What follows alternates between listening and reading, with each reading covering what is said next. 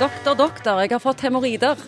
Ja, og du kommer og roper det ut, eller du er nok litt roligere eh, i talen når du, når du sier det?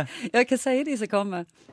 Nei, de, eh, de sier jo ofte ikke akkurat det. De, Tar det de- lang tid før det kom, blir sagt? Ja, det, det gjør det jo. Og den er ofte veldig sånn indirekte i, i, i det. Vil, vil jo ofte ikke ta de ordene i sin munn.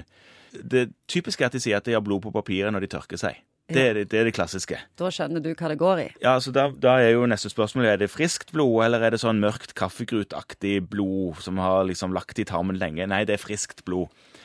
Ja. Hva, hvorfor får en hemoroider? Det er jo blodkar som er rundt anus, eh, som eh, blir utpostet, som er hemoroider. Og disse, disse kommer fordi at trykket blir for høyt til at Det er som en åreknute, egentlig. Så trykket blir for høyt til at eh, veggen i blodkaret klarer å holde igjen, sånn at det bare boop, blir en sånn utposning. Og kan være veldig vondt. Ja, det kan, veldig, det kan være veldig, veldig vondt, ja. Hva kan legen gjøre? Uh, ja, Vi er ikke helt ferdig å si hvor det, hvorfor det kommer ennå. Ja. Det kommer fordi man eh, kan sitte på lenge på do. Og da blir trykket der nede så stort over så lang tid at eh, veggen gir etter til slutt. Så dropp aviser når du går inn på do. Nettopp. Avis, iPad, mobiltelefon, alt sånt. Så det For det første så blir det jo bakteriebomber hvis du driver og kladder på det på do. Og en annen ting er at eh, en blir frista til å sitte litt lenger enn en egentlig trengte på toalettet, og da kan en få disse hemoroidene. Og så pressing er jo òg provoserende for, eh, for, den typen, eh, for den typen problemer. Så du, du sier du skal da egentlig bare vente helt til du må gå på do. ja, du venter til du må på do, og så gjør du det ferdig, og så får du heller gå igjen hvis du fant ut at her var, her var jeg litt vel hissig på å forlate toalettet. Men når en har fått hemoroider, Ja. hva kan en da gjøre for å få de vekk? Da er det jo jeg prøver å kutte ned på lengden en sitter der, som vi sa. eh, Ta vekk disse tingene som vi snakket om.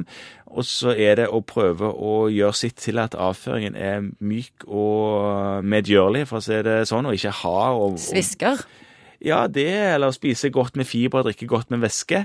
Og hvis situasjonen er enda mer alvorlig, Ja, hvi- hvi- Hvis det ikke hjalp, så finnes det kremer og stikkpiller som en kan bruke. Noen har jo hemoroider som sitter på innsiden og ikke kjennes på utsiden. og Da trenger en stikkpiller. Dette er en type salve som er i stikkpilleform og i salveform som en smører på. og Da vil det ofte ta en, en ukes tid med den typen behandling før problemene er mye mindre dramatiske. Men det går ikke vekk alltid da heller. Er det liksom sånn at hvis du har fått hemoroider, så vil du slite med det resten av livet? Ikke nødvendigvis, men man eh, ser jo at det kan komme igjen når du først har hatt det én gang, ja. Gravide får det mange ganger gjennom eh, i løpet av eh, graviditeten. Det har jo med trykkforholdene å gjøre. ikke sant? Man får, får dette svangerskapsproduktet, den babyen inni magen, og den presser på, og da blir det, da blir det enda det trykkforholdene som gjør at en kan få mer utsatt for å få hemoroider. Så noen ganger så når kremer og andre ting, andre konservative ting ikke hjelper, så må man noen ganger operere dette her, rett og slett. Sette strikk på sånn at de faller av. Noen ganger så kan man operere på allmennlegekontoret. Hvis de er harde og vonde, så kan man rett og slett kutte hull på de der, og da høres jo dramatisk ut, men da kutter man hull, tømmer ut det blodlevra materialet inni, og da er, er problemet ofte løst der og da.